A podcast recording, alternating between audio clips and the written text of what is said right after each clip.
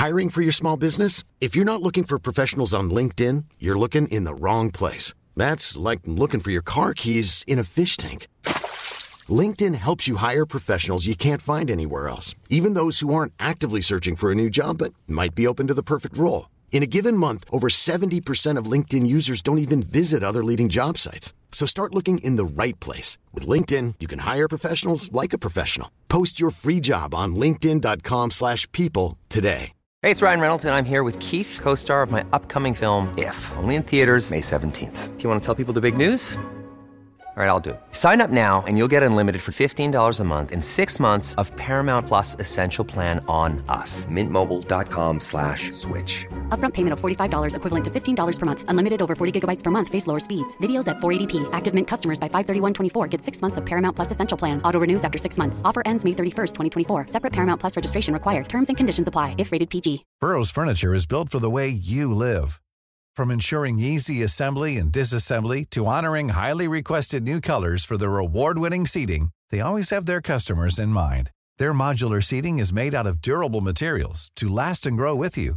And with Burrow, you always get fast, free shipping. Get up to 60% off during Burrow's Memorial Day sale at burrow.com slash ACAST. That's burrow.com slash ACAST. burrow.com slash ACAST.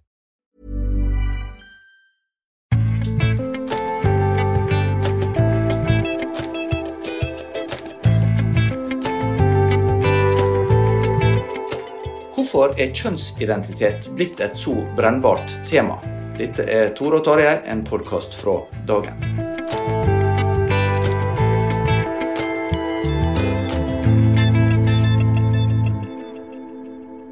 I dag er jeg kommet til Ålesund, der eh, jeg sitter på kontoret til eh, psykolog Marit Johanne Bruseth. Og Årsaka til at vi har invitert deg som gjest, er at du de siste åra har engasjert deg en hel del i debatten som handler om kjønnsidentitet og kjønnsskifte og forskjellige offentlige bestemmelser og lovendringer som har vært gjort i forbindelse med det. Tenk hvis du kan begynne med det personlige. Hva var det som gjorde at du som psykolog valgte å engasjere deg i dette?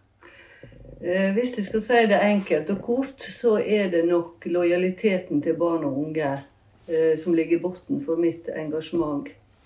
Jeg har jobba i feltet nå siden 82, er fortsatt aktiv.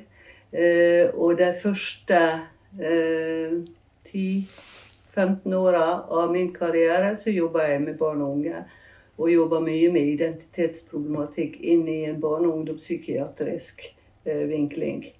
Og eh, det gjorde at jeg eh, veit hva det er barn og unge står i, og hvor eh, ikke minst krevende pubertetsperioden er. Og jeg ser det at Eller jeg så etter hvert også at eh, fra å ha iallfall en slags illusjon om at barn og unge sine behov ble imøtesett i samfunnet, så oppfatta jeg etter hvert at temaet ble mer og mer de voksne sine ønsker og voksne sine behov. Spesielt var dette her aktuelt i for, forbindelse med bioteknologilova, der jeg bl.a. engasjerte meg og skrev omkring eh, kritisk til bl.a. eggdonasjon. Og gjennom den diskusjonen så Det første jeg skrev, var vel i 2015, en kronikk i Aftenposten. Eh, og etter hvert så kom jo dette temaet opp med kjønnsidentitet. Og det som jeg ser, og som jeg mener, er at det, dette er et begrep som ikke hører hjemme i utviklingspsykologien. Vil si at man har eh, tatt ut en liten bit av dette med identitet, altså kjønn, seksualitet, og overfokusert på det, og så har man glemt eh, rammen for, kjønns, for, for identitetsutvikling. Nå, noe av bakgrunnen for at den eh, velger å introdusere, eller gjør ganske sånne omfattende endringer både i eh, lovverk og i, i læreplaner Mm. og forskjellig, det er jo et ønske om å omfavne et større mangfold og si at eh, mennesker må få lov til å være seg sjøl. Ja. Hva, tenker du med sånn eh, argumentasjon? Jeg tenker at det blir sånn slagordprega. Du skal være ditt sanne, eh, selv. Og jeg sier det er veldig få i den fasen av uh, utviklinga som kjenner sitt sanne selv.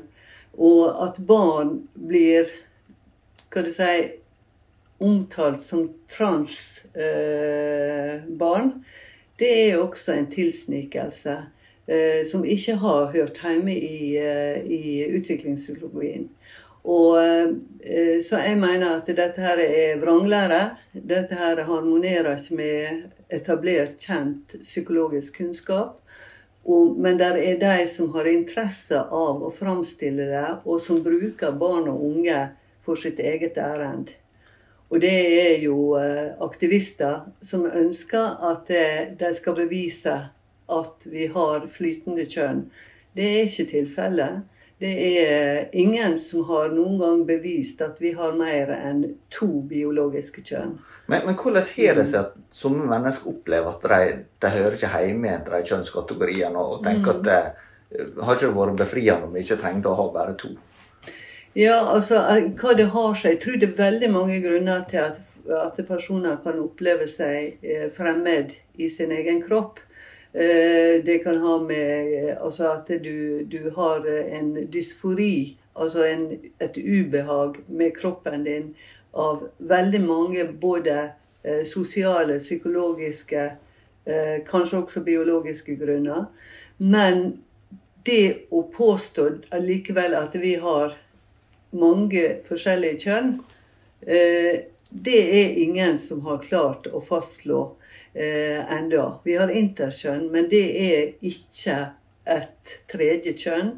Det er faktisk en, eh, en eh, genetisk avvik som, eh, som, også kan innebære mange eh, andre eh, alvorlige fysiske komplikasjoner. Og det er en ganske sjelden tilstand? Og det er en veldig sjelden tilstand. Og de sjøle, de som hører, er organisert i den foreninga, har jo bedt seg fra fra, frabedt seg å bli si, inkludert i denne eh, bevegelsen. Og um, Det kan virke så besnærende dette her med å ikke ha kjønnskategorier, men hele vår kultur, hele vårt samfunn er jo bygd opp under dette. Og jeg tenker vi er på feil vei når vi forleder barn og unge til å tro på et eventyr eller på en fantasi, i stedet for å utvide kjønnsrollene og gjøre dem veldig vide og tillate at du kan få lov til å eksperimentere med hvordan du ser ut, hvordan du oppfører deg, uten at du skal bli hindra av, av uh, rollene du er i. Du, du er styreleder i noe som heter Genit. Kan du fortelle hva det er for noe?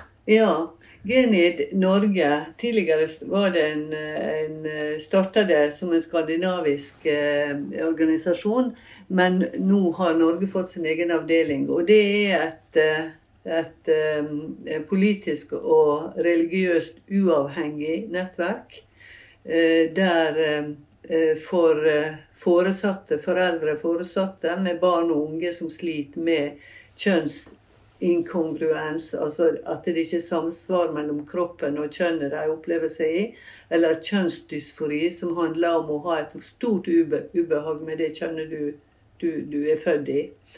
Og eh, i dette nettverket, der jeg er styreleder nå, der er det eh, flest foreldre, selvfølgelig, som eh, står i dette marerittet eh, med unger og tenåringer som vil skifte kjønn. Og der er da faglige støttepersoner, som jeg, og så nestlederen vår, som heter Marianne Brattgjerd. Vi er faglige eh, støttepersoner som har engasjert oss og bistår i eh, forhold til, eh, til denne, dette nettverket. da.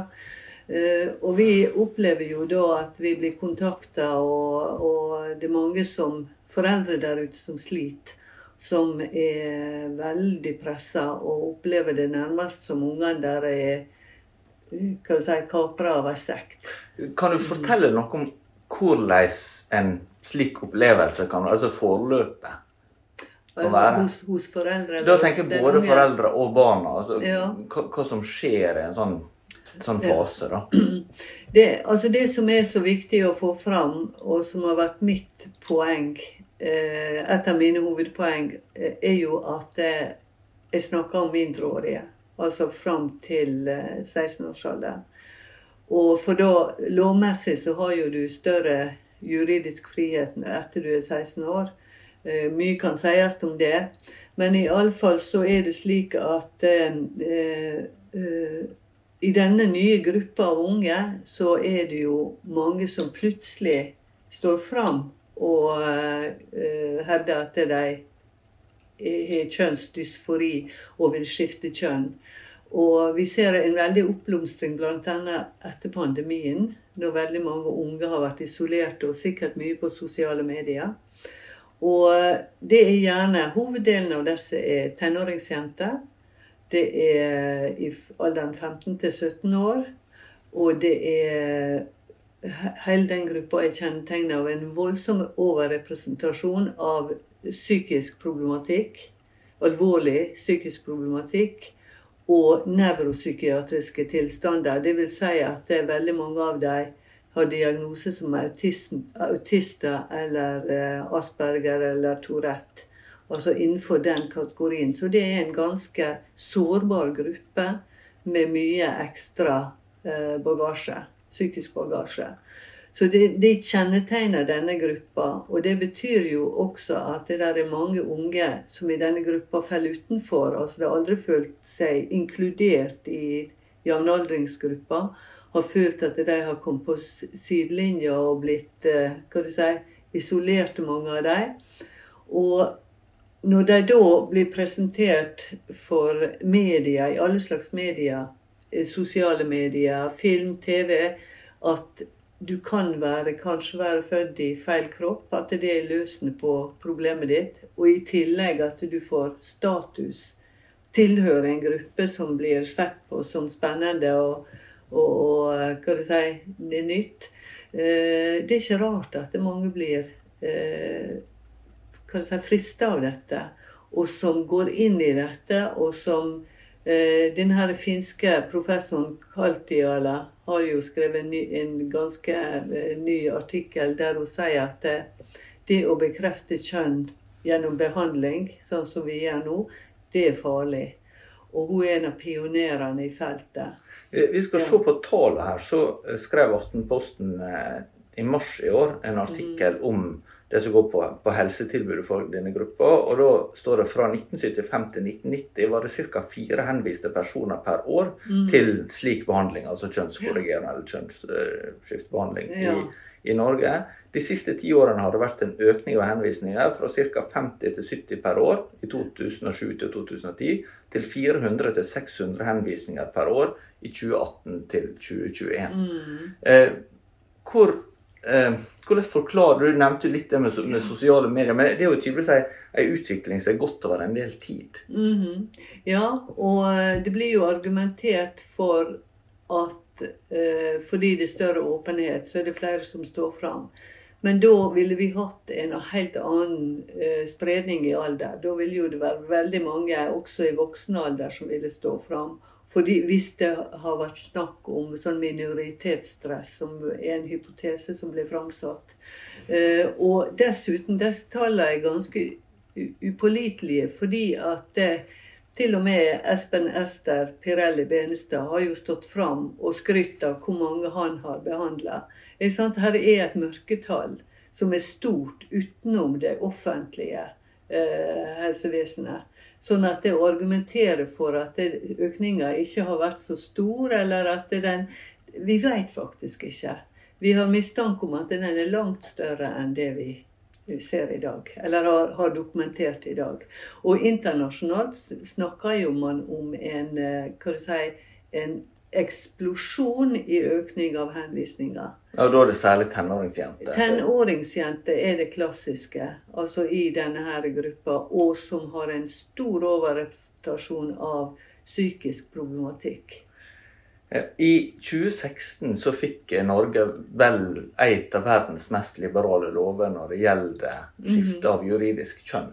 Ja. Eh, og den innebærer jo at fra fylte 16 år så, så kan en sjøl velge hva mm. juridisk kjønn er. Fra 6 til 16 år så eh, skjer det i samtykke med mm. foreldre. En kan søke sammen med foreldre eller én mm. forelder hvis det bare er én, og da skal i tilfelle eh, statsforvalteren i Viken ta stilling ut fra barnets beste. Da. Ja. Eh, Jeg skrev en artikkel om dette i forbindelse med at eh, P4 hadde eh, fått tak i statistikken for, eh, fra skatte... Eh, eh, skal vi se, var det Skattedirektoratet? Ja. Eh, Skatteetaten var det. Ja. Eh, og, eh, og eh, det viser seg da at det, er til sammen 1963 eh, personer som har skifta juridisk kjønn i Norge i løpet av de eh, seks åra som, som har det gått. Og Tone Wilhelmsen Trøen, som er Høyre sin helsepolitiske helsepolitisk talsperson, sier at eh, at så mange har benyttet seg av muligheten, tenker jeg viser at dette var en helt riktig lovendring som tar på alvor de utfordringene som mange står i. Hva tenker du om det? Jeg tenker det er bare med å skape enda mer forvirring i forhold til spørsmålet om kjønn.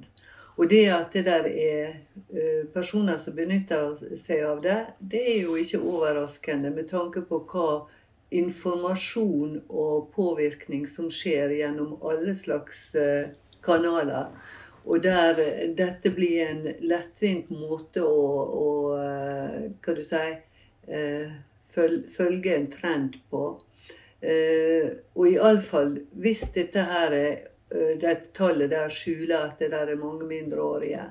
Og det at du kan skifte tilbake, fram og tilbake så mange ganger du vil. Eh, Det er lettere omtrent å skifte kjønn enn å skifte navn. Ja, Det, det var 479 som var under 18 år. Ja. Så, så Ja. ca. en fjerdedel. da. Ja, som er under 18. Ja, og Jeg da i aldersgruppa eh, 18 til 29 år så er det 1166. Så, så Mm. tre fjerdedel vel så det er under 30. da. Under 30 år, ja. Ja. ja. Og jeg tenker det inngår i det mønsteret vi har sett eh, ellers i forhold til de som søker behandling. For dette er jo en del av den prosessen for de eh, mindreårige. Og eh, vi vet jo at eh, YGLA, en internasjonal organisasjon som er en sånn paraplyorganisasjon for, for LGBTQ-organisasjoner, har jo framheva Norge som et eksempel, altså prakteksemplar fordi at denne her debatten den gikk under radaren. Lite offentlighet på det. Og denne her loven har aldri blitt konsekvensutredet. Verken i forhold til barns rettigheter eller til kvinners rettigheter. Og det er ganske dramatisk det som har skjedd rundt eh, at man da gjennom lovverket har på en måte ugyldiggjort biologisk kjønn. Jeg tenker det er et svik mot, eh, mot den norske befolkning, og spesielt mot, eh, mot kvinner, og, og også kvinner, eh, barn som er avhengige av kvinners rettigheter. Og en, et ek, eksempel på dette, som jeg ser ikke blir drøfta i særlig grad, her er vel nå få som framhever det, hva gjør det bl.a. med helsestatistikk og kvinneforskning? Hvis det at statistikken kan bli så tilrota at, eh, at vi ikke hvem, hva denne statistikken utgjør.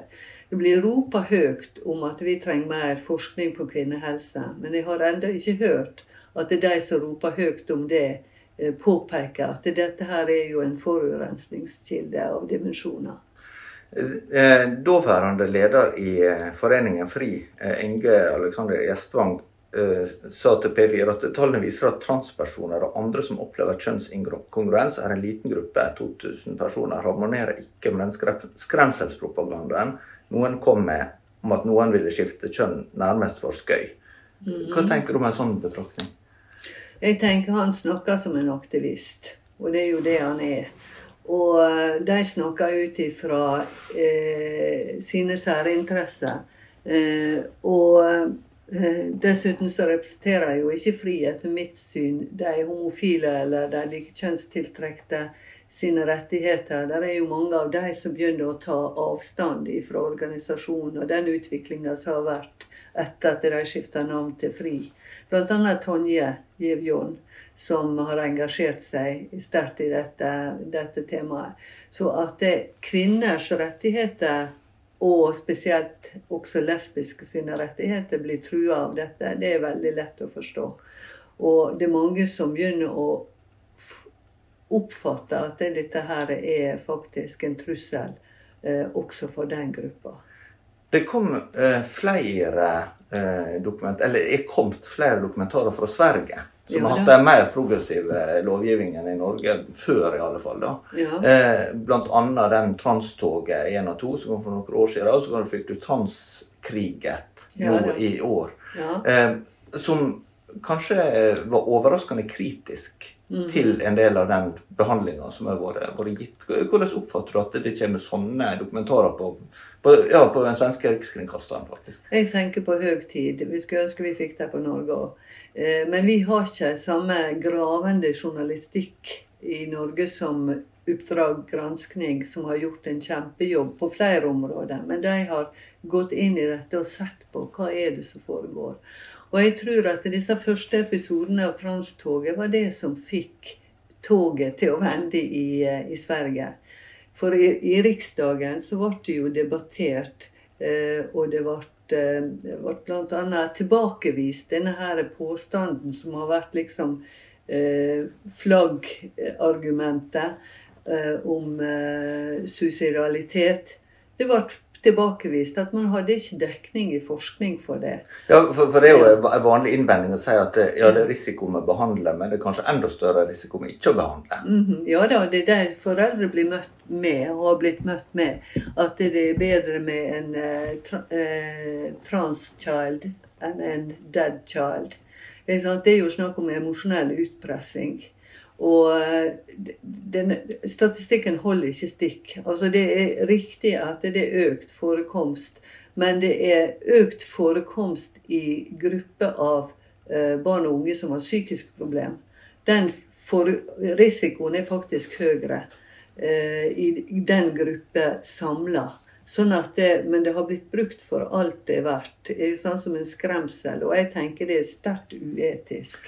Hva vil du tenke er, er et bedre tilbud å gi til de som For, det er jo unge her som, som, opplever at livet blir veldig vanskelig. For det der er indre store spenninger og, og uh, uro og bekymring og, og angst. Altså det, det, er sånn, det, det, er jo veldig eksistensielt når en opplever dette. Absolutt. Og det vil jeg understreke på det sterkeste, at vi skal ta disse unge på alvor. Høyeste alvor. Men vi skal sikre oss at det, den behandlinga de blir gitt, er riktig. Og derfor så må vi gjøre sånn som Sverige har gjort, og eh, Finland, eh, Storbritannia og nå sist Danmark. De har bråvendt i forhold til denne kjønnsbekreftende behandlingsmodellen, som går ut på at man bare skal bekrefte den unge sin opplevelse og si at det, hvis du opplever det sånn, så er det selvfølgelig sånn. Og så går vi videre med medisinsk behandling. Og da er det særlig pubertetsblokker? Først, først ja. pubertetsblokker, og så videre cross-sex-hormon, altså motsatt uh, hormon av det kjønnet du er. Og så eventuelt kirurgi. Og uh, den modellen er det jo hun Kaltia nå sier er farlig. Fordi at det, det, er mange Vi ser også en økning i de som angrer, og de som ønsker å gå tilbake til sitt opprinnelseskjønn. Uh, og det at vi har en sånn hva du si, utvikling i Sverige, burde lære oss noe. Sverige, som er på en måte har vært av de mest progressive, de har brå stanser. Og de sier det at det er kun det, det som skal være første Eh, behandlingstiltaket, det er psykoterapi og psykoedukasjon. Foreldre skal inkluderes i utredning. Det skal ta tid. Og eh, hvis noen skal gis tilbud om pubertetsblokker eller videre behandling, medisinsk behandling, så skal det skje gjennom studie, altså i en uh, forskningsstudie og disse skal følges opp over lang tid. Og de skal, Et kriterium er at de skal ha opplevd kjønnsdysfori fra tidlig alder. Altså ikke sånn plutselig oppstått i tenåra uten noen forhistorie på det. Ja, for det er jo et eget begrep med sånn rapid onset gender dysphoria. Ja da, det var Lisa Littman som kom med den. Og hun, de har jo prøvd å tilbakevise det. Men hennes forskning har jo blitt, etter å ha blitt kritisert og gjennomgått ny vurdering, blitt godkjent. Slik at det er et etablert begrep. Og det er jo noe som også foreldre bekrefter. Plutselig så kommer du som, som lyn fra klar himmel at en unge mener seg. Og det er unge som har slitt med sine problemer i årevis før det. Altså både med Det er jo en overrepresentasjon av nevropsykiatriske tilstander. Autister og eh, Asperger. Eh, personer med Asperger-diagnose er jo overrepresentert i denne populasjonen, nye populasjonen. Du, du også uttrykte kritisk om det behandlingstilbudet som er gitt i Norge. Ikke bare ut ifra en forståelse av kjønn, men også fordi det er blitt desentralisert. Mm. Eh, og, og, det var jo noe som eh, også snakka med eller intervjua tidligere helseminister for Høyre, Bent Høie, om i sin tid. Og han mm. eh, var den oppfatning at problemet i Norge i dag er ikke at det blir gitt overbehandling, problemet er at det er for mange som ikke får hjelp. Mm. Ja, det er den tonen som vi har hørt fra den kanten. Og Høie var jo den som eh, eh, impliserte den nye behandlingsretningslinja i 2020, som ble omtrent totalslakta av FHI, altså Folkehelseinstituttet og fagfolka der.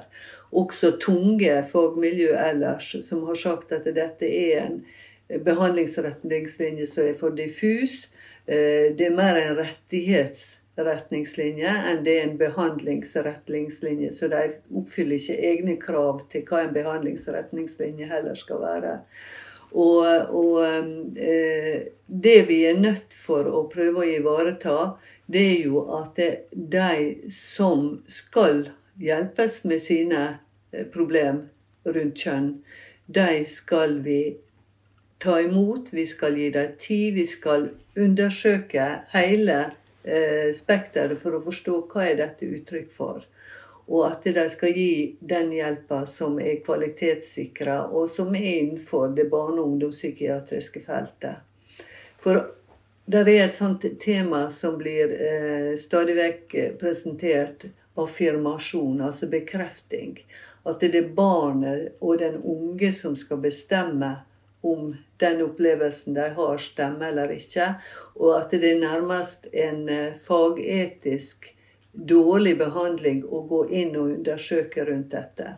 Jeg eh, vil stille spørsmålet motsatt og si hvordan i all verden legger ansvaret på den unge og den barnet i forhold til å finne ut av om dette stemmer eller ikke.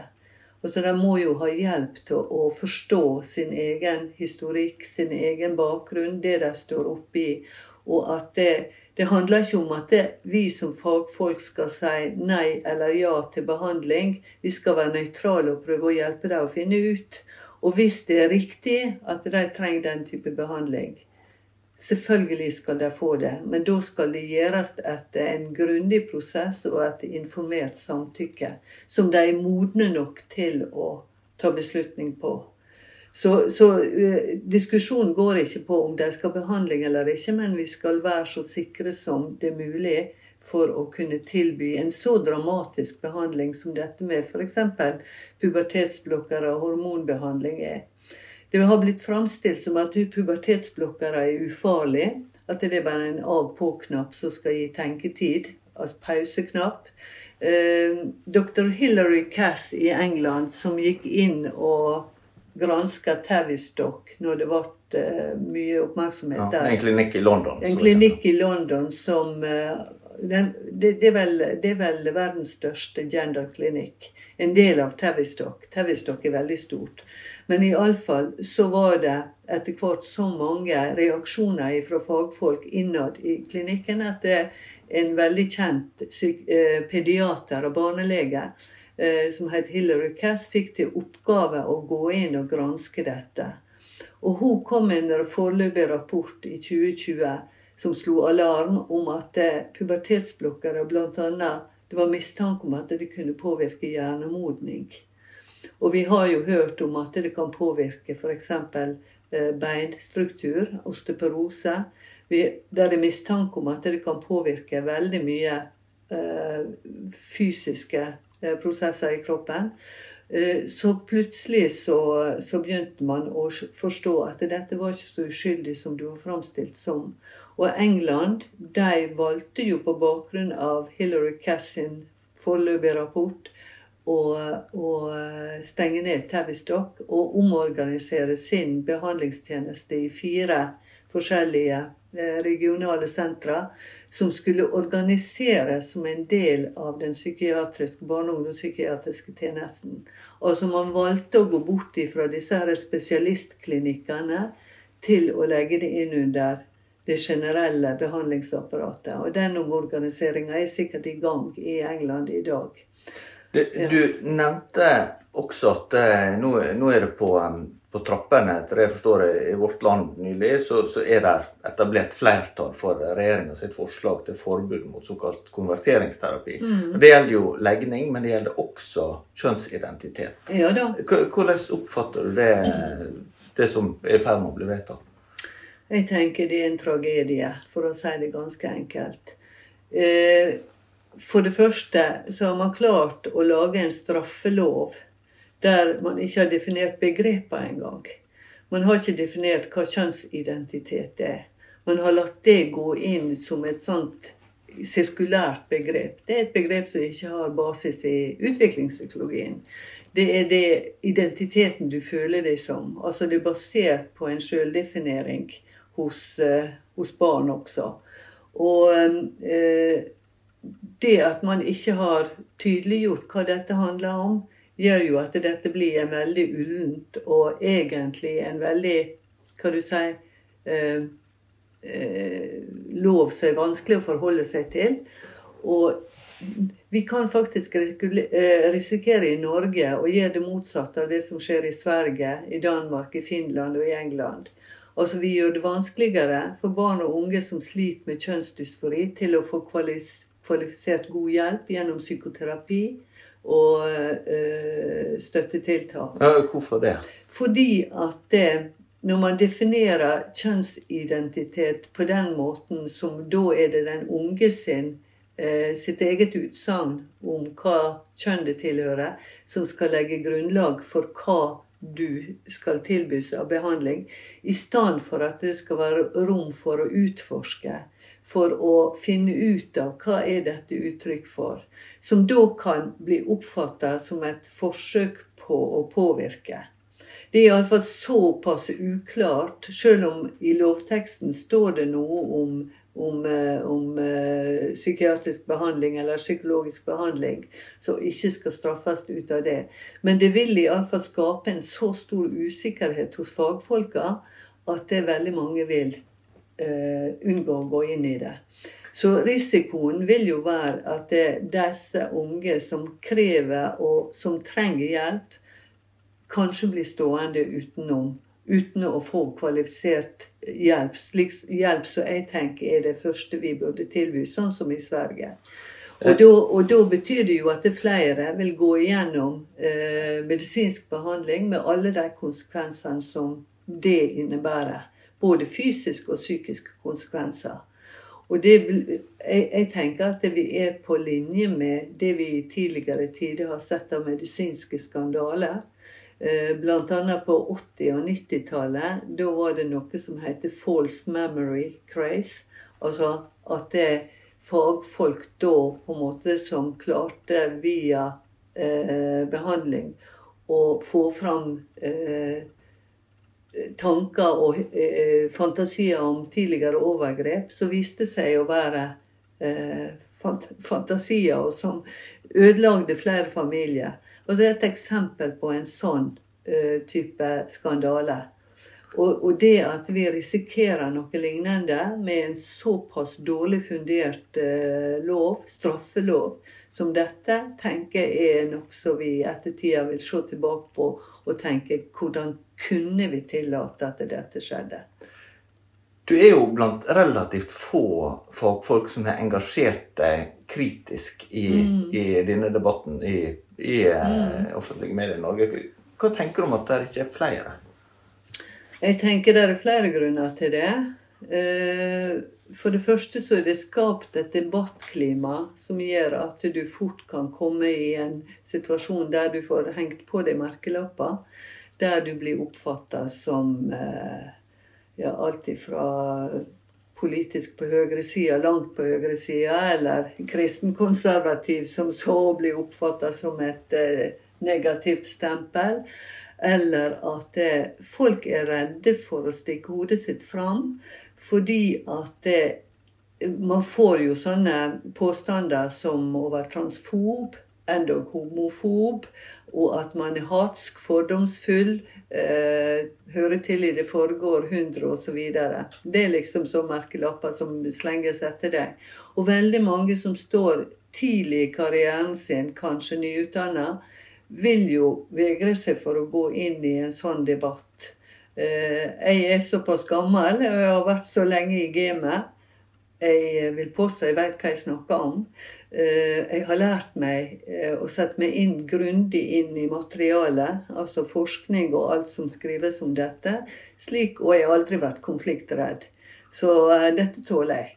Men hvordan har det vært for din del med, med respons og sånne ting? Jeg får jo veldig mange, mye støtte eh, sånn i direkte kommunikasjon, og folk som eh, tydeligvis er enig med meg, men veldig mange som ikke tør å uttale seg, av forskjellige grunner.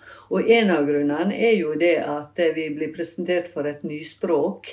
Hvis du ikke har fulgt med og skjønner hva som foregår, så er det fort gjort både å bli forvirra, bli usikker på begreper som blir brukt, og så er man redd for å bli uthengt eller latterliggjort.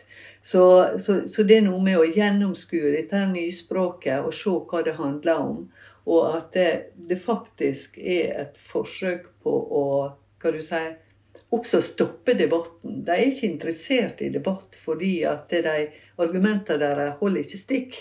Dermed så tenker jeg det er så bra å få anledning til å uttale seg, for da gis det eh, sjanse til å tilbakevise mye av det som blir, blir påstått. Til slutt ser du tegn til at denne debatten kan snu. Altså at vinden snur? Ja. Ja, jeg mener det. Og det, det har vi sett lenge. At det der er flere, spesielt i England. Der har jo faktisk eh, lesbiske, homofile og bifile dannet sin egen organisasjon. Eh, og de er aktive. De publiserer masse eh, godt fagstoff, diskusjoner. Vi ser det også gryende i, eh, i eh, USA, selv om de ligger en del på, langt bak oss i, i så måte. Men det begynner å komme, og jeg ser flere stemmer i Norge. De begynner å, å, å heve seg. Selv om jeg har lenge vært alene i eh, debatten, iallfall i vårt tidsskrift, så ser jeg at nå begynner det å bli iallfall én til et par stemmer til som kommer inn. Og i avisinnlegg rundt om i landet så er det mange som skriver og som engasjerer seg med veldig ulik bakgrunn. Men innen min, min egen faggruppe så har det vært relativt få som har offentlig gått ut og uh, uttalt seg. Men jeg tenker som så, jeg har ikke sovet godt om natta hvis jeg skulle sitte og holde stilt. Dette her er, tenker jeg, dette handler om barn og unge som kan få ødelagt livet sine. Det har ikke vi råd til. Takk skal du ha, Marit Johanne Bruseth, for at du var med. Vi er tilbake med en ny episode i neste uke.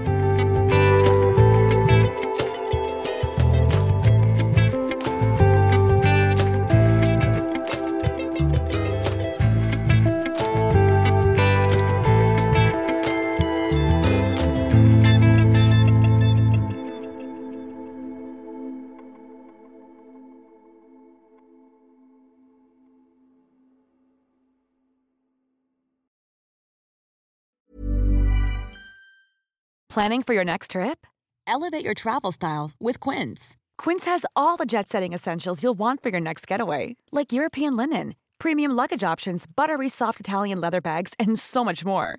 And is all priced at 50 to 80% less than similar brands.